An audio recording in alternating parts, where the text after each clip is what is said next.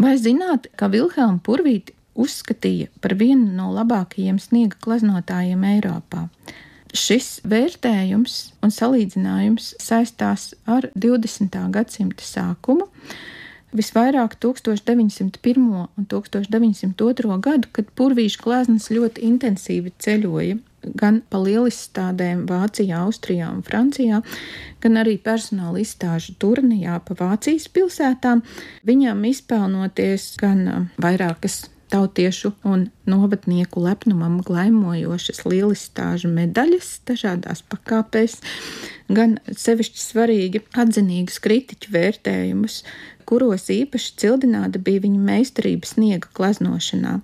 Un mums par laimi divi no visvairāk atzinības tolaik guvušajiem darbiem - Ziemeļa nakts un Marta vakars, ļoti dažādi darbi, atrodas Latvijas Nacionālā Mākslas muzeja krājumā. Un, ja mēs e, raugāmies laikbiedru atsauksmēs, tad redzam, ka jau 1899. gadā kolēģis gleznotājs Friedrichs Morits Rīgas eh, mākslas eh, biedrības salona eksponātu iespējā bija paudis pārliecību, ka Purvītis pieder pie Krievijas labākajiem sniega gleznotājiem un paredzēja, ka arī ārzemēs viņam reti kurš spētu līdzināties.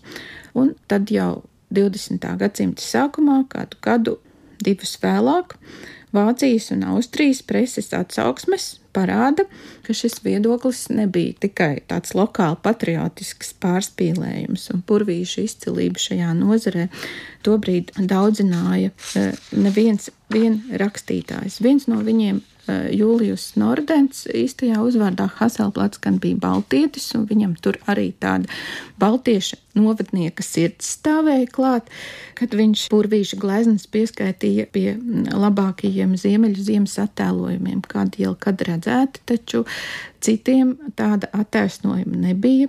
Un tad, piemēram, Ludvigs Pīčs Berlīnē atzīmēja, ka sniegs gan gaismā, gan ēnā ir gleznots tik patiesos toņos, ka neatpaliek no Norvēģa Frica Teulova sasniegumiem. Tas bija viens no salīdzinājuma apvāršņiem.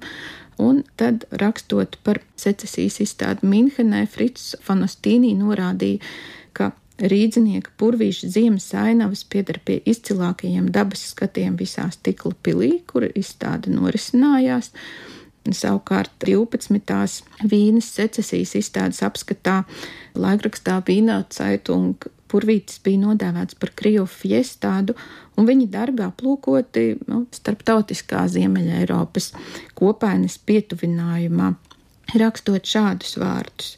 Zviedru, krievu un somu ledus un sniega ainavisti, fiestāts, purvītis un gallens, kā īsti glezniecības dzēnieki, iegrimdējis visās savas ziemeļu dzimtenes noskaņās un ar dziļu izjūtu atveidotās sniegoto mēnesi gaismas apspīdēto ziemas nakšu lielo klusējošo mieru.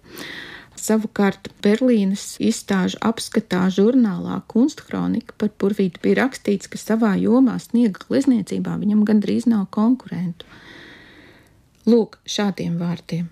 Viņš vienlīdz meistarīgi glezno savas dzimtenes balto ziemas ietērpu visās stadijās, kā plānu gaišu rudens uzklātu lakatu, kā biezu pūkainu un mīkstu vilnas segu, kas metra biezumā guļ pār zemi, un kā jaunavīgās marta zemes vieglo līgavas kleitiņu pirms saulainais pavasars šo kautrīgo segacīti ir apņēmīgi ieslēdzis savās skavās.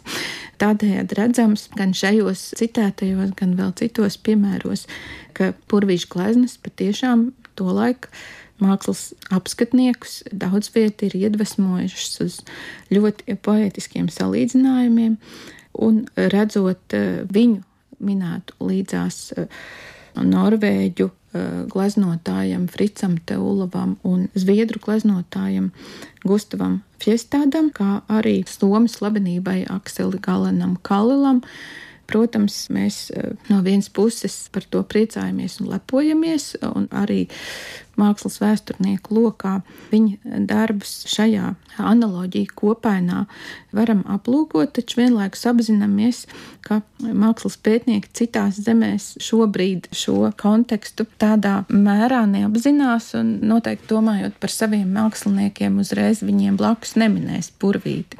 Tā kā viņa atgriešanās šajā ainā arī ir tāds mūsu mūsdienu mākslas pētnieku un kuratoru uzdevums.